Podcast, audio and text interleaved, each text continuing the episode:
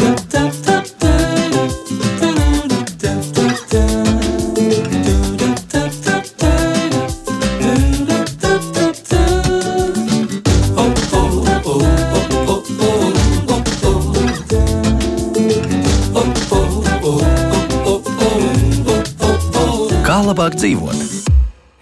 Esiet sveicināti! Ar jums runā Kristiāna Lapiņa, raidījuma producenta Loreta Bērziņa, bet pie skaņa pults Mārtiņš Paeglis. Un mēs jūs sveicam šajā reizē ar savu klātbūtni un arī esam priecīgi par to, ka arī jūs esat kaut kur tur otrā pusē un klausāties mūs. Nu, lūk, bet eh, šodien Sākšu ar to, ka vai jūs zinājāt, ka pavisam senos laikos, lai mati būtu gaišāki, cilvēki esot ticējuši, ka jādzer rūgušpiens. Es nezinu, vai tas tiešām varētu strādāt. Un tāpat arī tumšāka matu krāsa ir iegūta izmantojot valriekstus. Nu, kas to lai zina? Varbūt arī tā. Iespējams, ka ar tādām tautas metodēm, jeb salīdzinoši veselīgiem paņēmieniem var arī iegūt skaistumu un kļūt vēl, vēl pievilcīgāks gan sev pašam, gan arī citiem. Bet šodien mēs par ko citu, kā citādi krāsot sevi sevi un kā krāsot savu spēku. Un uh, mēs runāsim vairāk par to, kā kļūt stiprākiem tad, ja kādam no cilvēkiem ir jāsaskaras ar tā saucamo reto slimību. Šodien vairāk par to. Uzreiz iepazīstināšu arī ar studijas viešņām, kas par šo vairāk stāstīs, jo ir, nu, un notiek arī pašlaik, un notiks vēl arī daudz pasākumu, un būs tā saucamā informatīvā kampaņa. Mēs esam pieraduši pie šāda vārdu salikuma, tātad krāso savu spēku, kas būs vērsta tieši uz reto slimību aktualitātēm. Šodien tātad vairāk par retajām slimībām, un viešņas reto slimību fórumu organizētāja Bērnu Klīniskās universitātes slimnīcas reto slimību programmas virsārsta, pediatri un bērnu reto slimību pētniece Madara Auzenbacha. Sveicināt! Labrīt. Vēl pie mums arī šodien ir Reto slimību fóruma idejas autora Reto slimību alianses valdes locekla Ieva Plūme. Sveicināti! Sveicināti! Un vēl arī pie mums ir viesos eh, bērna ar Eiģelmana sindromu mamma Agnese Ādmītiņa. Sveicināti! Labrīt, Latvija! Jā, nu, tiešām liels prieks jūs redzēt, un es domāju, ka tas, ko jūs stāstīsiet šodien, tas ir ļoti, ļoti svarīgi mums visiem. Un varbūt es tad došu uzreiz vārdu Nu, tā tad eh, šī fóruma idejas autorei, ja, jau varbūt ir vērts eh, sākt ar aktualitātēm par to, ka tā tad būs šis fórums, būs informatīvā kampaņa, un, eh, nu, tad idejas autora, ja, nu, varbūt, varbūt šoreiz ar jums sāksim, un tad pieslēgsim mediķi, ja, un, un, un attīstīsim šo te tematu aizvien vairāk. Tātad. Jā, paldies! Jau informatīvā kampaņa par godu reto slimību dienai, kas gadu notiek februārī visā pasaulē, Latvijā šī informatīvā kampaņa krāso savu spēku. Jau notiek, gan ar fotoizstādi, dzīvība ir vērtība, kas šobrīd ir apskatām Latvijas Nacionālajā bibliotekā, gan ar uh, pacientu stāstiem, rakstiem, mēdījos, uh, gan ar mūsu sniegto informāciju sociālos tīklos, ko ļoti aktīvi izplata mūsu brīnišķīgie, brīvprātīgie palīgi un atbalstītāji uh, savām, savā, savai auditorijai. Uh, kas tad ir kampaņa krāso savu spēku? Uh, tas ir tāds stāsts par to, ka cilvēkiem ar retām slimībām, ārstiem, kas viņus ārstē, visai kopienai vajag pietiekami daudz spēka ikdienā, lai mēs izietu tos tiešām grūtos ceļus, ko mums nākas iet, lai ārsti varētu pilnvērtīgi ārstēt pacientus, lai vecāki, kuru bērniem uh, ir rā, kāda reta slimība, uh, nu, lai viņi cīnītos par saviem bērniem.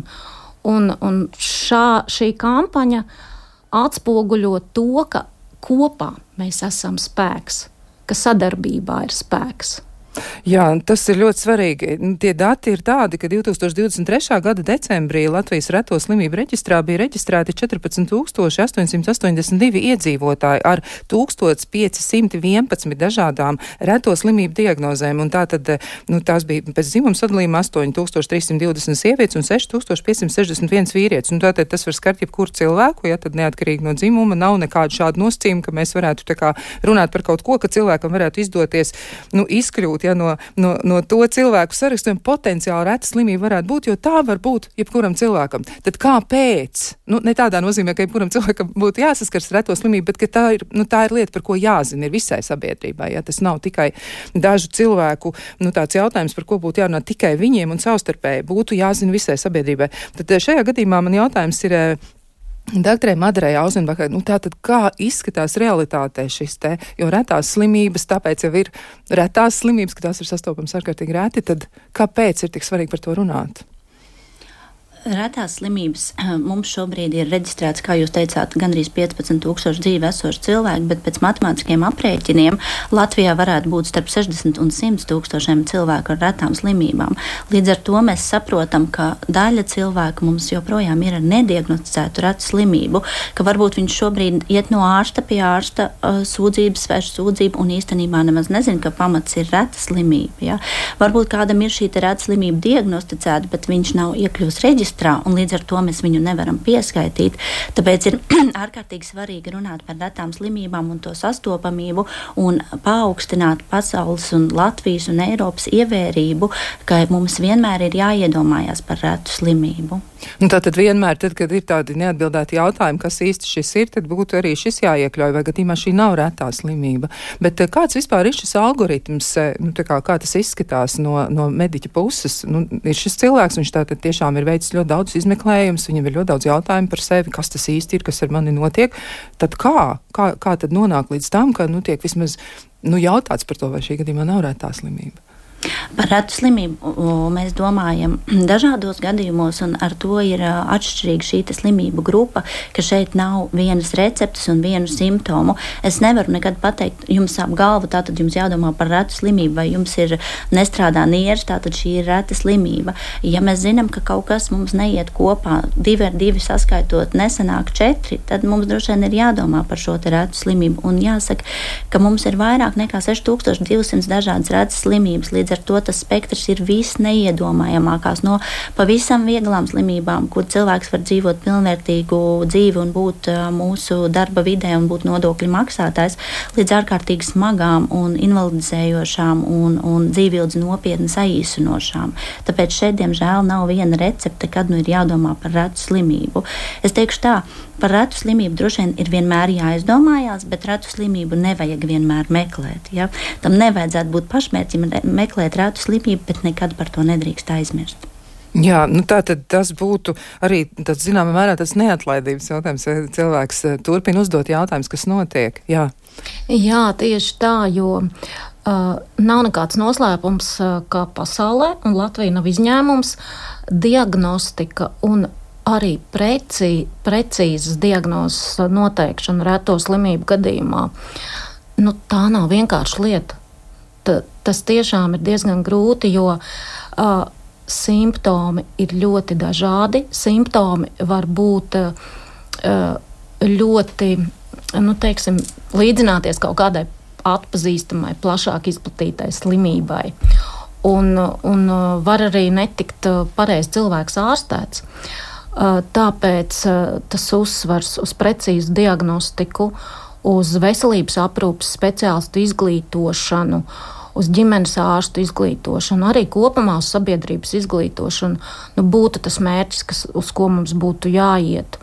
Un, un, un šai sakarā mums būs labs pasākums 29. februārī Reto slimību fórums, kurā mēs arī par šo jautājumu, izglītošanas jautājumu runāsim. Jā, un kas būs vēl tas, ko jūs tur darīsiet, kā jūs to vēl aktualizēsiet? Jo noteikti ir vērts arī drusciņi sīkāk pateikt, nu, kas vēl tur ir sagaidāms. Reto slimību fórums ir tāda unikāla vieta, kur un laiks, un ka mēs tiksimies kopā vienā, pilnīgi citā vidē. Gan pacienti, gan ārsti, gan uh, cits medicīnas personāls, kur mēs varēsim pārunāt sev aktuālās lietas un pilnīgi noteikti aktualizēt retās slimības.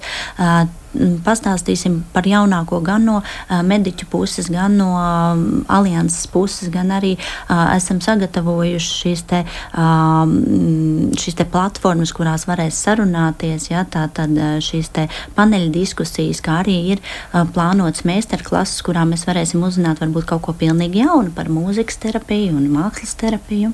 Jā, tā tad arī par tām visām aktivitātēm, metodēm, ko vēl var lietot. Tiešām tas ir ļoti, ļoti vērtīgi, bet ja mēs jautājam par reālo dzīvi, par to, kā tas izskatās, ja, nu, tad mums ir iespēja arī to uzzināt, un ir cilvēks, kas ir gatavs ar to dalīties. Ja, tātad es nu, vēlreiz atgādināšu, tā ir Agnes Ādmīdiņa, kur var pastāstīt par to, kā tas izskatās dzīvē.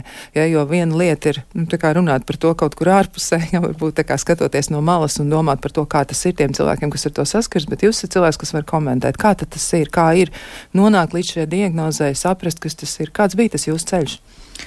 Mēs šobrīd esam jau 13 gadu vecumā. Diagnozi mēs diagnosticējām tikai 5 gadu vecumā, un tā tiešām uh, bija ilgstoša laika posma uh, iegūta informācija, lai saprastu, kāpēc bērns neattīstās tā, kā tas būtu jāattīstās. Jo sākotnēji arī mediķi pievērš uzmanību tām vispārējām simptomātiskajām mm, varbūt tādām lietām, nu, kāpēc bērns nepieņemās svarā, kāpēc bērns nekoncentrējās kaut kādā punktā. Un tāds bija arī mūsu sākotnējais, kur ceļš, kur es kā mamma sapratu, ka viens terapeits pilnvērtīgi tomēr neizskata to iespēju, kāpēc neskatās tādā ilgtermiņa posmā, kāpēc uh, bērns uh, nav sākotnēji attīstījies un vienmēr ir, uh, man bija smieklīgi pie sevis pasmaidīt par to, kad ārsts saka, bet tas tak ir zēns, viņi vienmēr ir slinkāki. Un tad es tā domāju, nu labi, zēns, nu un cik tad ilgi es gaidīšu, ka viņš būs slinkāks. Un tad, kad jā, laika posms jau ir lielāks, jau ir gads, un tu saproti, Eh, bērns tomēr neceļās kājās, viņš nerāpo, viņš lien un ka viņš tomēr eh, nepieņemās svarā, jo viņam ir eh, problemātiski ēdienu norīt, viņš to, ko viņš ir paēdis, viņš tomēr ir atvēmis un līdz ar to tu sāc mainīt terapeitu no terapeita, meklējot, nu, varbūt tu atradīsi to labāko, kurš vairāk aizdomāsies. Un tāds bija arī mūsu ilgstošākais laika posms, kad nāca viens simptoms pēc otra, nāca krampju lēkmes, un tad jau nonāca jau pie tādiem nopietnākiem ārstiem, kurš sāk analizēt visus šīs blakus simptomus. Nepieņemas svarā, ir ēdienu atgrūšana, kustība līdzsver traucējumi rodās, neattīstās valoda. Tā tad tomēr tiek mērķiecīgāk medicīnas darbinieks jau pievērš uzmanību, ka ir jānonāk kaut kādā citā izmeklējuma grupā. Un arī nonākot pie ģenēti, ģenētiķiem. Arī tas nav tik vienkārši. Arī šurp šeit nonākot ārstu, tu paļaujies tomēr uz ārstu iespējamo pieredzi. Un arī šeit pēc viena veiktā izmeklējuma varbūtības skaties un tomēr neapstiprinās ja, iespējamā varbūtības diagnozi. Un arī šeit, jā, bija tā, kad bija divu gadu posms. Un es pieļauju domu, ka Madara Auzenbach varbūt varbūt pastāstīs, kāpēc tas, piemēram, bija šo desmit gadu atpakaļ tik sarežģīti uh, uzreiz noteikt to diagnozi, jo nu, iespējams, ka tas ne, nebija tik vienkārši. Un ārs, a, manam dēlēnam Austrim arī šī ģenētikas mājā mēs īsto diagnozi tikai pēc divu gadu posmu izmeklējumu tikai nokonstatējām. Un, jā, palika sākotnēji vieglāk. Tev ir, tu esi nonācis pie tās diagnozes bet tu esi šokā, jo tu nesaproti, a, kāpēc tieši par mums. Kāpēc tieši ar mūsu ģimeni tas tā ir noticis? Jo tu saproti, ka no vecvecāku, no dzimts koka pat izmeklējumiem, kad tu sāc pētīt, nu nav sastopama šī ratā slimība bijusi, un, un tad tu sāc, jā, tu esi nonācis beidzot mūsu ģimene tajā vidē, kurā tu nekad nebūtu bijis nonācis, ja tu ne, nebūtu saskāries ar šo rato slimību. Un tad tu saproti, jā, bet šīs slimības var būt ne tikai mantotas, bet tās arī var būt jaunizveidotas ģenētiskas mutācijas. Un tad arī tie jautājumi ikdienā, bet kā pieci gadi, vai tad tiešām, uh, tad, kad uh, grūtniecība, ultrasonogrāfijas bija analīze, un tikai pēc noteiktiem gadiem tu esi sapratis, bet ir noteikti slimības, kuras tu nevari konstatēt ne ultrasonogrāfijā, ne ķīmiskajās analīzēs. Diemžēl ar Rangemal sindromu izrādās, to varētu tikai konstatēt, ja tiktu veikta pārbaude, šūnu pārbaude no paša augļa, ko pēc būtības, nu, laikam Latvijā šobrīd pat mm, nefinansē. Jā. Jā, nu noteikti, doktor Jāzimbakai būs komentārs par to, kā tas ir, jo noteikti ir arī lietas mainījušās uz labo pusi. Tajā nozīmē, ka iespējams diagnostika ir daudz precīzāka un, un ir labāks iespējas, bet jā, varbūt arī šo ir vērts izstāstīt, kāpēc tā notika un eh, kas ir mainījies šodien. Jā, vienmēr ir žēl klausīties stāstus, kur ir bijis šis ceļš grūts un, un, un tālējošs. Un, un, un, vienmēr gribās, lai tas ceļš būtu vieglāks un, un, un tās atbildes būtu labākas, un lai mēs kā ārsti varētu atbildēt, mēs varam palīdzēt. Un tad, kad mēs varam teikt, mēs varam būt tikai kopā ar jums un mēģināt atvieglot ikdienu, tas, protams, arī mums ir grūti. Ja runājot par, par to, kā mūsu iespējas izmeklēt pacientus ir augušas, protams, ir, ir pagājuši pietiekami daudz gadu, un arī mūsu zināšanas ir augušas, un patiesībā arī jāsaka valstī paldies, ka mums ir arī pieejams finansējums, un mēs daudz izmeklējumus varam veikt šobrīd Eiropas līmenī, un mums vairs nav jāskatās, kuram pacientam teikt jā, kuram nē.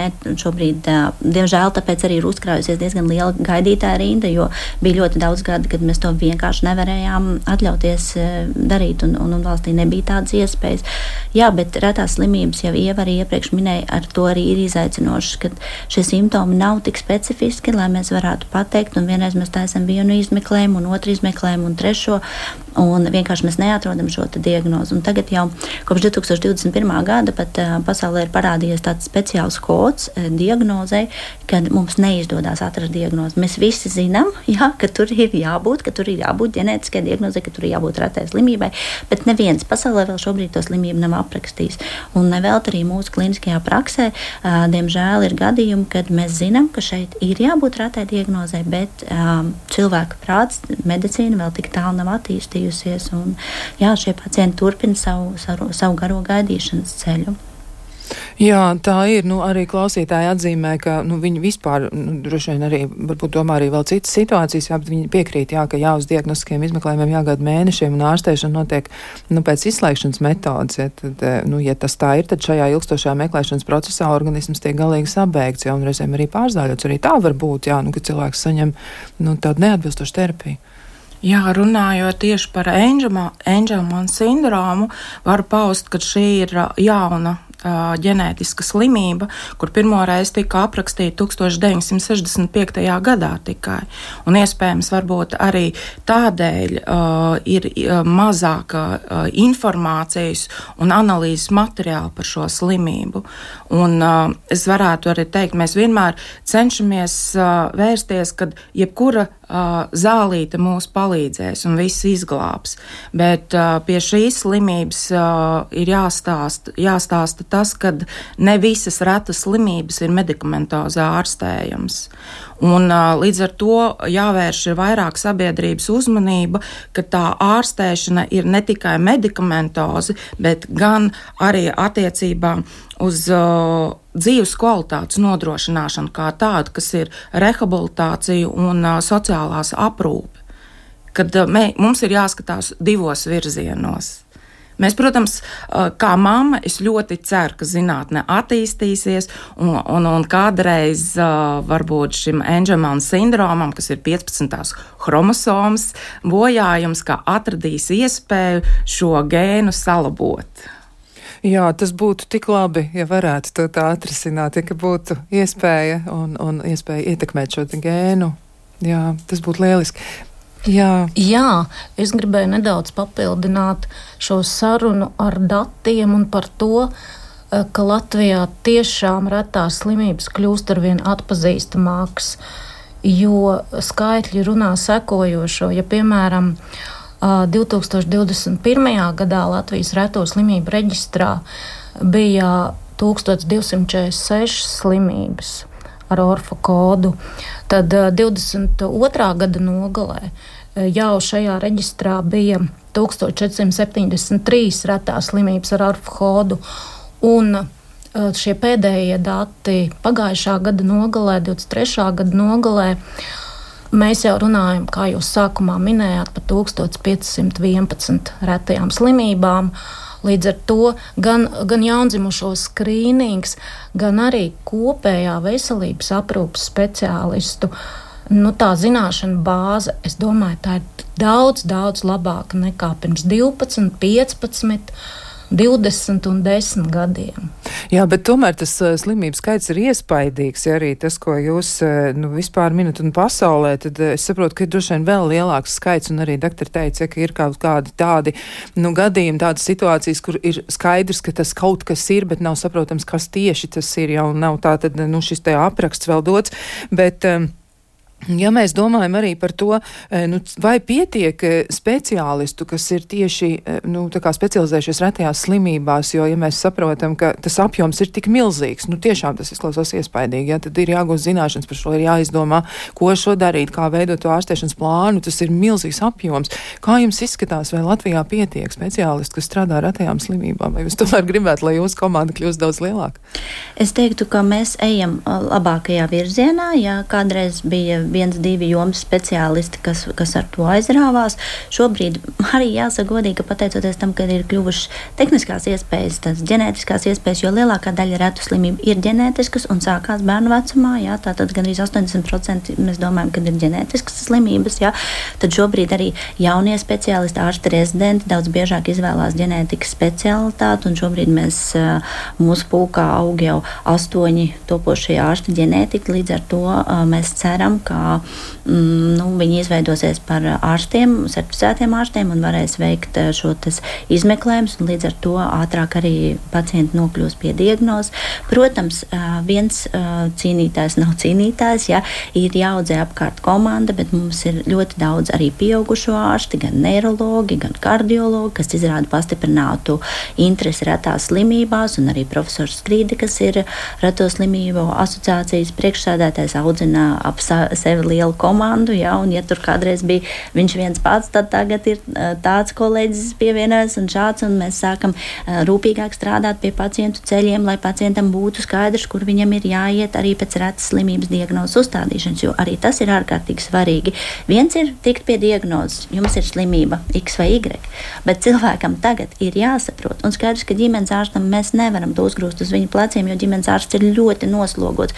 Nu, cilvēkam ir jāsaprot, ko darīt ar jaundzimušu bērnu kas ir vakar piedzimis, un ar 90 gadīgu omīti, kurai ir spiediens. Ja? Nu, mēs nevaram uz viena cilvēka pleciem visu to uzlikt, un tāpēc mēs arvien vairāk lielajās. Um, Universitātes slimnīcās cenšamies attīstīt šo reto slimību dienestus visās trijās. Uh, varbūt ar laiku mums būs iespēja arī kādas attīstības um, ārpus Rīgas, lai arī būtu cilvēkiem ar kustību traucējumiem un attīstības traucējumiem arī nebūtu vienmēr uz Rīgu jābrauc. Tā kā es domāju, ka mēs ejam pareizajā virzienā, un mēs ļoti ceram, ka valsts uh, turpinās saredzēt retās slimības kā prioritāti, un mēs ļoti ceram, ka mums būs arī finansiāls atbalsts, lai mēs varētu pēc iespējas labāk kalpot, palīdzēt mūsu pacientiem, lai to, ko var atvieglot ar medicīnu, mēs varētu palīdzēt. Jā, nu vēl es arī atradu tādu informāciju par Latvijas reto slimību aliansi. Tur ir 17 organizācijas, kas pārstāv dažādas pacientu grupas retām eh, slimībām, ja tās intereses tiek pārstāvēts. Ja tā tad ir eh, diezgan daudz cilvēku, un tā jumta mm, organizācija pārstāv tiešām ļoti, ļoti daudz eh, šo cilvēku. Nu, arī par naudām domājot, ja par naudu precīzāk, ja tur ir diezgan daudz, acīm redzot, nepieciešams nepieciešami līdzekļi, lai arī varētu šo plānu e, virzīt un lai varētu parūpēties par cilvēkiem, kuriem ir tik izaicinoša dzīve.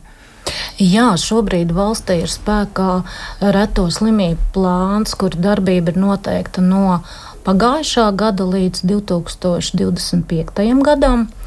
Un runājot par nepieciešamajām finansēm, kas ir finanses gan zālēm, gan speciālistu nodrošināšanai gan visu trīs reto slimību kabinetu uzturēšanai un metodiskai vadībai, gan arī uh, lietām, kas vajadzīgas, nu, kuras sistēmiski vajag risināt, tad pēc mūsu ziņām kā Nacionālais veselības dienests ir aprēķinājis, šā gada budžetā vajadzētu papildus 20 miljonus kopumā reto slimību plāna izpildēji.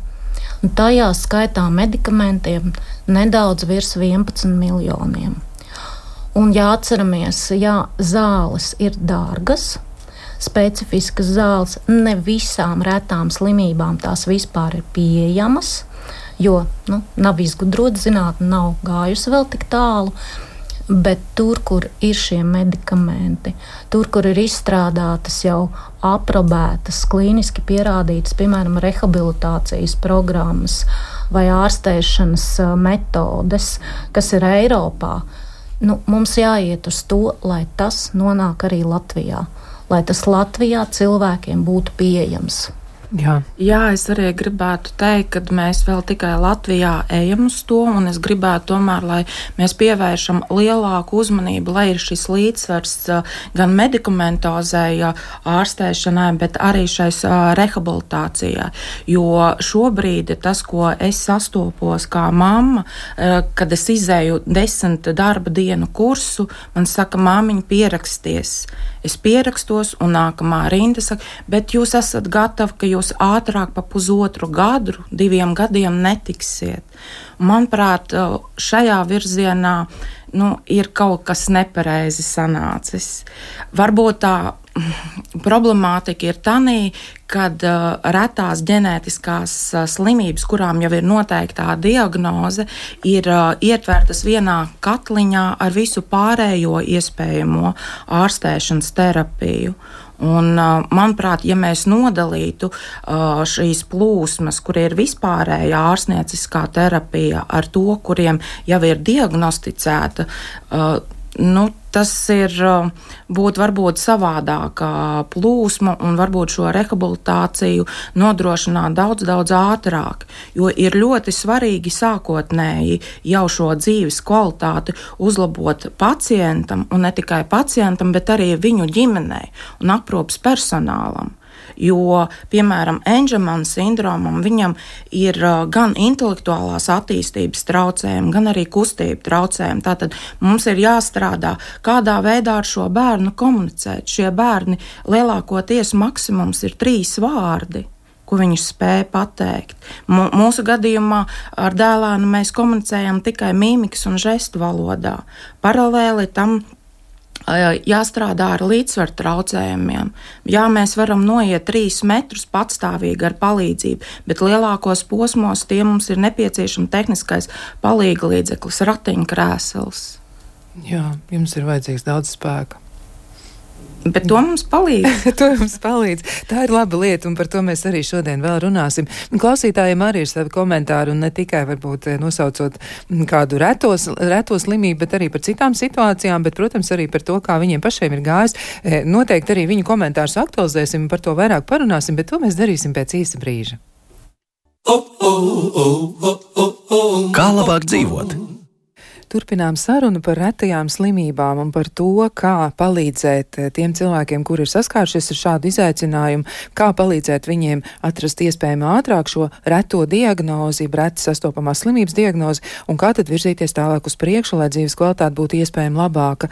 Eh, tas ir tiešām ļoti, ļoti grūts eh, ceļš, kas ir reizēm ejams, bet nu, tomēr jāskatās, ko mēs varam izdarīt un kas jau ir izdarīts šobrīd, un arī kādas ir iespējas. Vēl man tāds jautājums arī par to, nu, kā tad ir ar retā retās, reto slimību kabinetiem. Ja, kur tad tie atrodas un kur, ja nu gadījumā šāda doma rodas par reto slimību, kur tad uh, būtu jādodas?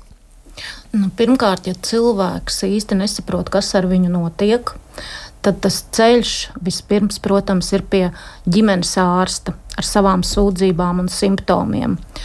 Un, nu, ģimenes ārstam jāspēj, un, un es ticu, ka mūsu ģimenes ārsti to spēj, uh, nokonstatēt. Uh, brīdi, kad ir jāsūt uz papildus izmeklējumiem, kad vajag ievākt vairāk analīzes, vairāk datus un uh, jānosūta tālāk pie ārstiem, speciālistiem. Protams, nevienmēr tas būs uzreiz uz reto slimību kabinetu, jo ne jau par reto slimību vispirms aizdomāsies. Aizdomāsies par, par izplatītākā, izplatītākām slimībām. Uh, bet, ja teiksim, komunikācija ar ģimenes ārstu nevadās, tas arī nav nekāds noslēpums, ka, ka cilvēki varbūt vai nu viņi paši neprot tik labi izstāstīt par, par, par savām grūtībām un vajadzībām, varbūt arī otra puse nav laika iedziļināties tik ļoti. Es aicinātu sakopot visus spēkus, būt neatlaidīgiem, jo tā ir mūsu veselība, tā ir mūsu bērnu veselība. Tas ir ļoti svarīgi, un, un, un, un par to ir jārūpējas un uzstāt uz savām pacienta tiesībām. Ka es vēl gribu kāda speciālista viedokli, kas ar mani notiek, kas notiek ar manu bērniņu, kāpēc ir šādi simptomi, kāpēc ir tādas grūtības. Un uh, tiešām nu, dabūt nosūtījumu pie ārsta speciālista, vai nu tas ir neiroloģis vai kardiologs. Bet runājot par, par, par reto slimību kabinetiem, tad tie ir visās trīs klīniskajās universitātes slimnīcās. Reto slimību koordinācijas centrs ir bērnu, bērnu slimnīcā ģenētikas mājā, kur arī bērnu slimnīcas mājaslapā var atrast uh, gan pieņemšanas laiku, gan koordinātoru telefonu numuru. Reto slimību kabinets, kuru vada uh, doktors uh, Andris Skride, ir Pāla Stradiņa Kliniskajā universitātes slimnīcā. Arī viņa mājaslapā ir gan kontakti, gan pieņemšanas laiki. Uh, Tāpat reto slimību kabinets, kuru vada dr. Baiba Lāce, ir Rīgas Austrumu Kliniskajā universitātes slimnīcā. Un es aicinātu gan ārstus speciālistus, gan ģimenes ārstus, gan arī cilvēkus, kuriem varētu būt aizdomas, ka ar viņu veselību nu, kaut kas nav kārtībā, kaut kas ir aizdomīgi Varbūt arī piezvanīt koordinatoram, pajautāt, kādas ir iespējas pierakstīties, kāda dokumentācija ir vajadzīga, kādi izmeklējumi, un vienkārši iet uz priekšu. Nu, Jā. Tātad dokumentācija un izmeklējumi. E, nu, tātad, doktor Maija galva, varbūt ir kas piebilstams par šo. Un arī e, nu, tiešām ir arī prakses atšķirības. Ja, tad varbūt ir vērts par to labo pieredzi pastāstīt, ja, ka dokumentācija tiešām ir ārkārtīgi svarīga, ja visi izmeklējumi ir nu, jābūt, jābūt viņiem kopā. Nu, bērnu slimnīcā, cik tad e, ir dzirdams vienotām kulāru sarunām, situācija ir labāka. Tātad ārsts jau ir iepazinies ar šo dokumentu kopu un var jau kaut ko teikt, kā tad būtu jābūt, kā būtu vislabāk. Jā, nu tas mūsu, mūsu modelis ir tāds, ka mēs tiešām cenšamies sagatavoties jau pirms vizītes par konkrēto reto slimību un uh, sagatavot visu iespējamo informāciju, kas ir jaunākā arī literatūrā, kādi ir pētījumi. Jo, protams, vecākiem vienmēr ir daudz jautājumu, kas ir loģiski saprotami. Ja, un nepieciešamības gadījumā uh, mums ir arī šī sadarbība ar Eiropas referents tīkliem, ko tas nozīmē, ka tās ir starptautiskas organizācijas, kurās mēs varam konsultēt savus pacientus ar retu slimību. Šajā gadījumā pārsvarā jau zinām rētas slimību, ja mēs kaut ko nesaprotam par gaitu, vai mums trūkst pieredzes, vai mums ir nepieciešams kolēģiāls atbalsts. Šīs konsultācijas ir bez maksas. Un, tātad pacientam par to nekas nav jāmaksā. Jā, nu, tikai nu, jādod saka, savu piekrišanu, ka viņš atbalsta šādu konsultēšanu. Tā ir ārkārtīgi veiksmīga pieredzes, um, pieredzes veids. Mēs ceram arī, ka šis attīstīsies. Jā, tātad uz priekšu mums būs daudz vairāk iespējas konsultēties. Jā. Eiropas referents tīklos ir iesaistījusies ne tikai bērnu slimnīca, bet arī jau iepriekš minētā gan Strunītas slimnīca, gan Austrum slimnīca. Ja, tātad katrai slimnīcai ir sava specifika, bet nu, to arī konkrēti var pārunāt ar ārstu. Otrs modelis, ko mēs cenšamies organizēt priekš saviem pacientiem, pēc iespējas vairākām pacientu grupām, pamazām audzinot šīs pacientu grupas, kur ir modelis nevis pacients nāk pie ārsta, bet ārsts iet pie pacienta. Ko tas nozīmē?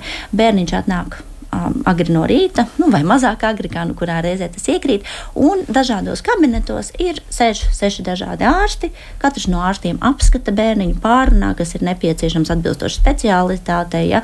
Vai nu tur neiroloģis, ja tur, tur uh, nervu sistēma pārbauda vai ortopēds pārbauda uh, kaulus. Ja? Un tad uh, dienas beigās pacients dodas mājās, ārsti apsēžās ap apaļo galdu, kā teikt, un pārunā konkrēto pacientu. Līdz ar to tas aiztaupa daudzas liekas vizītes un arī arī šos gaidīšanas laikus. Protams, nenoliedzami tas ir grūta diena gan bērniem, gan vecākiem, jo izturēt, nu, ir vecāki, kas saka, nē, paldies, bet mēs nevaram visu to garo dienu izturēt pie jums. Mēs labāk atbraucam divreiz. Nu, tad mēs, protams, arī uh, cenšamies būt saprotoši. Bet, manuprāt, ļoti svarīgi, un es arī daudz esmu lasījusi pacientu viedokļus, ka vissāpīgākais ir tas, ka tu ej atkal pie 12. ārsta jau, un viņš saka, Pagaidiet, kas jums tur bija, kāda jums tā slimība. Ja? Tāpēc arī uh, mēs paši un mēs arī aicinām kolēģus, tomēr, ja ir iespēja, ja ir iespēja kaut vismazākā dzirdēt jau par to diagnozi, pirms tam izlasīt, um, noteikti pacients, pacienta vecāki novērtēs to, ka jūs neprasat. Es atvainojos, ko jūs lūdzu teicāt, ja? bet kad ārstam jau būs kaut minimālākais ieskats, jo pacientiem ir ļoti sāpīgi, ja viņam ceļš līdz diagnozē ir bijis garš, un tad vēl viņš sastop ārstu, kurš saka, man nav nekādas nojausmas par to.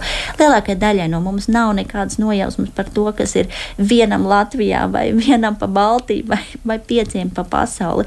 Bet jā, nu, mans aicinājums tomēr būtu, varbūt, ja ir tā, tās divas minūtes pirms vizītes un ir zināms, kurš pacients pienāks, ja tāda iespēja ir, nevienmēr tāda iespēja ir, protams, kādreiz tas nav zināms, ka pacients noteikti novērtēs, ka būs ieskats. Jā, pilnīgi noteikti arī runāt par pacientu pieredzi, ja viena no klausītājiem mums tā arī raksta, nesen uzzināja sev diagnozi angioneirotiskā plūska, mocījos ar pietūkušām acīm vairāk kā desmit gadus, līdz nejaušības gadījumā nonāca pie ļoti kompetents oftalmoloģis, kur noteica šo diagnozi.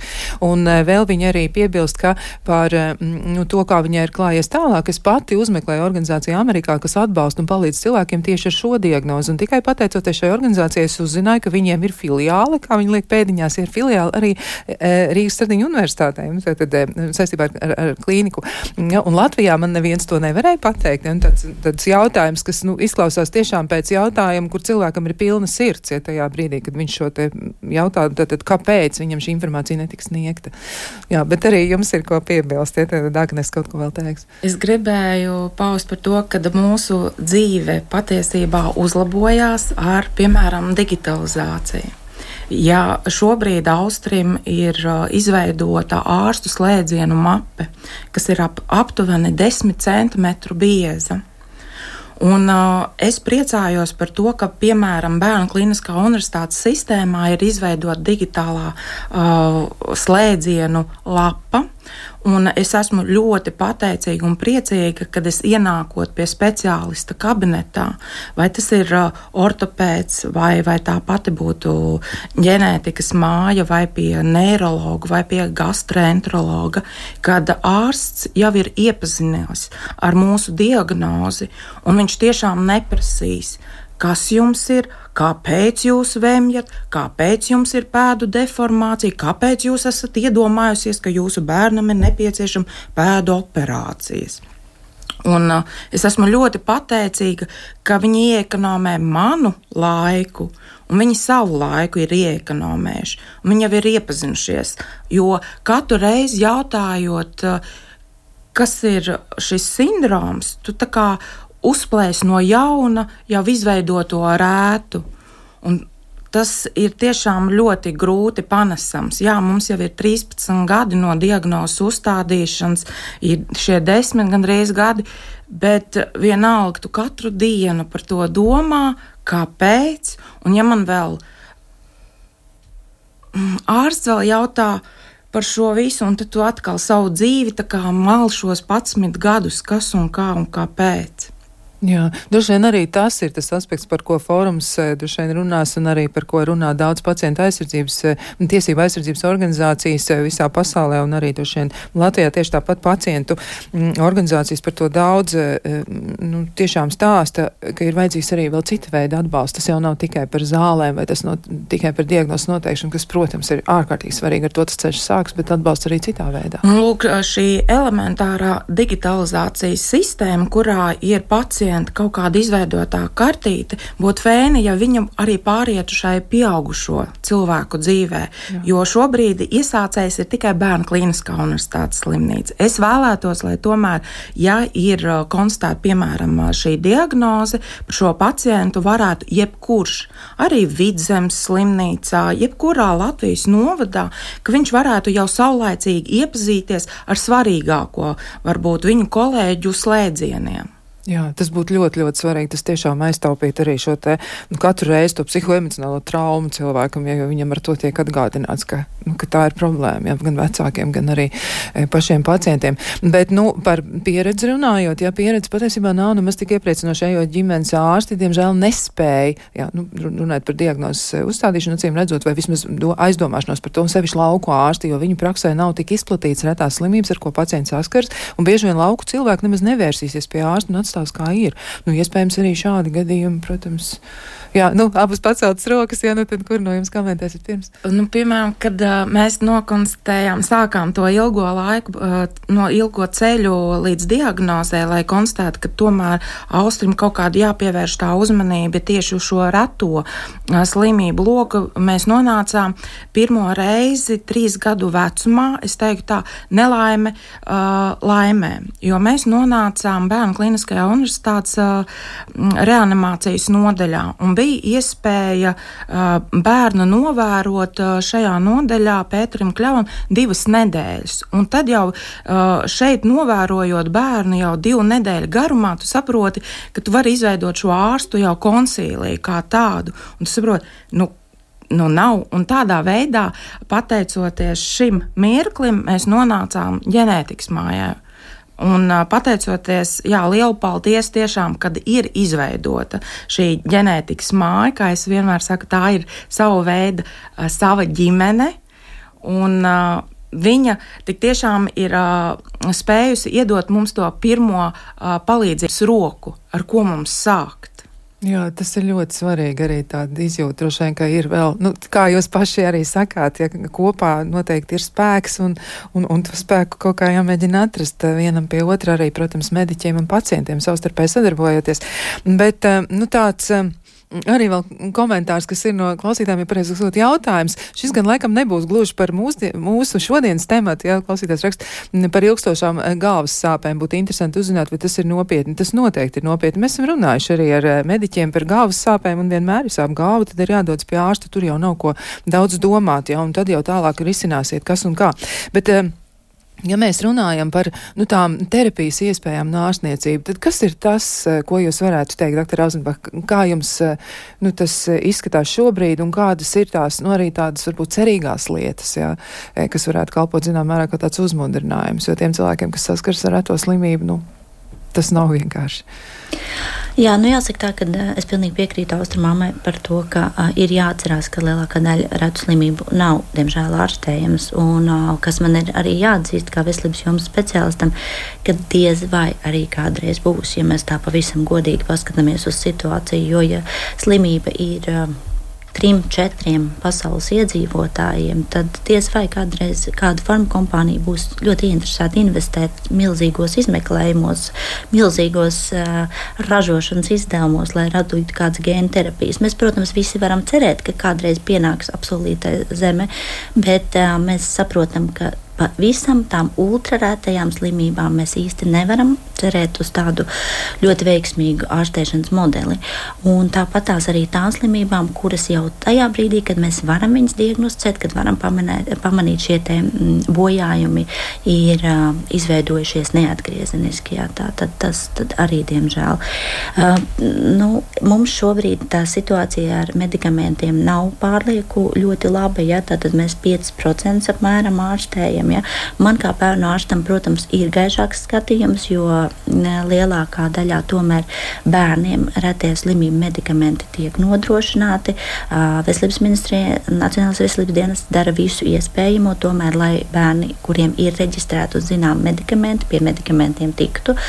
Bet šai monētai, protams, ir ļoti daudz puses, jo farmakompānijas ir ļoti interesētas pelnīt jau tā uz ļoti dārgiem medikamentiem, un līdz ar to valstiski ļoti bieži ir grūti vienot vienoties par daudz maz advokātām cenām, ko viņi piedāvātu. Un arī daudzas farmakompānijas nevēlas ienākt uh, tik mazā valstī, kur varbūt vienam vai diviem pacientiem būs. Bet ir arī mums priecīgie stāsti, ir mums tādi, ir mums par ko papriecāties. Viens no mūsu pacientiem, kam bērnība bija ļoti drūma, un, un, un viņa vecākiem bija ļoti drūma, mm, jo slimība ir ļoti nopietna. Bija dažādas daudzas lietas, kuras negribās atcerēties. Tiesas visādas cīniņas, viss kaut kas. Bet šobrīd puisis mācās par ārstu. Ir skaists, gudrs, veselīgs un brīnišķīgs cilvēks. Labi, cilvēki gan nenosaka retā slimība, bet zālēm absolūti izdevās izglābt bērniņu no tiešām, nu, puisis nebūtu. Nebūtu starp mums visticamākais jau vairs sen, ja nebūtu iespēja atrast tomēr šīs zāles kompensēt. Un šis puisis saņem joprojām šīs zāles, viņam nāksies visu dzīvi saņemt uh, šīs zāles, bet varbūt pēc desmit gadiem viņš sēdēs man blakus vai sēdēs manā vietā un ārstēs citus pacientus ar retām slimībām. Tāpat mēs esam priecīgi, ka ir izdevies ieviest spinālās muskuļu atrofijas eh, skrīningu Latvijā. Es ļoti labi atceros pacientus, kuriem ir 25, 30 gadi, kur ir tik brīnišķīgi, gudri, fantastiski cilvēki, bet viņi uh, lasa visādās valodās, bet tikai ar acīm, jo viņi nevar nepāršķirt, nepakust, viņi nevar pakustēties, viņi nevar pagriezties, viņiem ir nepieciešams elpošanas aparāts. Tad šobrīd mums ir jaundzimušo skrīnings, mēs bērnītim ieduram papēdītī, uztaisām analīzes, un mums ir iespēja dot šīs zāles un potenciāli sagaidīt, ka viņi būs veseli. Nākamie nodokļu maksātāji un atkal būt mūsu vidū. Tā kā ir, ir ļoti daudz melnā mūsu dzīvē, bet ir tam mākonītim vismaz dažos gadījumos arī kaut kāda zelta, zelta maliņa, kur mēs varam dot kādu cerību. Jā, tas ir ļoti svarīgi. Šajā laikā tiešām ir ļoti svarīgi cilvēkiem atcerēties par to, ka cerība ir, cerība vajag lolot un vajag tiešām darīt visu, lai tu cerību nepazaudētu un turētos pie tās. Bet vēlreiz par fórumu lūdzu atgādiniet, kur tas notiek, kad tas notiek un arī varbūt vēl var pagūt, kā saka, nu, iekļūt tajā dalībnieku listē, vai tas vēl ir iespējams? Jā, paldies par, par iespēju. Uh, informēt par reto slimību fórumu, kas notiks eh, Rīgas Stradiņu universitātē 29. februārī no 9 līdz 5. Eh, pagūt pieregistrēties var uz tieši saistes apmeklējumu, jo mums ir ļoti, ļoti liels pieprasījums. Un, un tiešām ļoti daudz cilvēku pieteikušies arī klātienē, par ko mēs esam priecīgi gribētu uzsvērt to, ka fórumā būs ne tikai informācija un, un prezentācijas par uh, reto neiroloģisko kabinetu darbību uh, Stradiņa slimnīcā, bet arī, piemēram, dr. Auzenbachs stāstīs par to, kas tad ir orfa kodi, kāpēc ir tik svarīgi reģistrēt uh, cilvēkus ar retām slimībām. Mums būs arī uh, vairāku ārstu ģenētiķu lekcijas. Uh, tiks arī stāstīts par zvērnāts advokāts Juris Beigmanis stāstīs par pacientu tiesību perspektīvu tieši ārzniecības personām. Un pēcpusdienā mums ir trīs diskusijas ļoti, ļoti, ļoti nu, tādas, manuprāt, ar prioritārām ievirzēm. Viena diskusija būs par reto slimību plānu un par perspektīvām, ko mēs darām, kāda risinājuma ir nākamam plānam. Tad vēl viena diskusija, ko vadīs dr. Auzenbacha, būs par uh, emocionālo iesaistītību un par šiem psiholoģiskajiem, ētiskajiem aspektiem, kas ir uh, tuvinieku uh, pārziņā, kas aprūpē cilvēku ar retu slimību, kas ir ārstu pārziņā, kāda ir ārstu attieksme. Un, uh, ļoti jauka diskusija, ko man kolēģi Marta Auguceviča un uh, asociētā profesora Viktorija Ķēniņa vadīs, ir par primārās aprūpas lomu reto slimību pacientu ceļā. Tā tad ļoti, ļoti tāda iero, iedrošinoša, ierosinoša un vienlaiks arī ļoti, ļoti dziļa informatīva programma. Noteikti nepalaidiet to garām, ja tā tad eh, visi arī profesionāli ieklausoties. Tas tiešām ir ļoti, ļoti būtiski mums visiem. Tātad 29. februāris es atgādinu šo dienu. Liels paldies gan Reto slimību fórumu organizētajai Bērnu klīniskās universitātes slimnīcas reto slimību programmas virsārstē pediatrē un bērnu reto slimību pētniecei Madarai Auzenbachai, reto slimību fóruma idejas autorei reto slimību alianses valdes loceklē Ievai Plūmei un arī bērniņu mammai, kura tomēr ir atradusi spēku un arī tik ļoti, ļoti vērtīgā veidā dalījās ar savu pieredzi. Tātad tā ir Agnese Ādmīdiņa un viņa vairāk stāstīja par to, kāda izaicinājuma ir, ja ir jāsaskarās ar Eidželmans sindromu. Paldies arī klausītājiem, ka jūs bijāt kopā ar mums, ka jūs iesaistījāties. Mēs tiešām no sirds ceram, ka arī, ja jums ir jāsaskars ar ko tādu, jūsu ceļš taps iespējami vieglāks. Meklējiet, nepadodieties, neatlaidieties un tiešām kopā mēs varam to savu spēku iekrāsot, lai visiem sanāk. Un tiekamies atkal kādu citu reizi.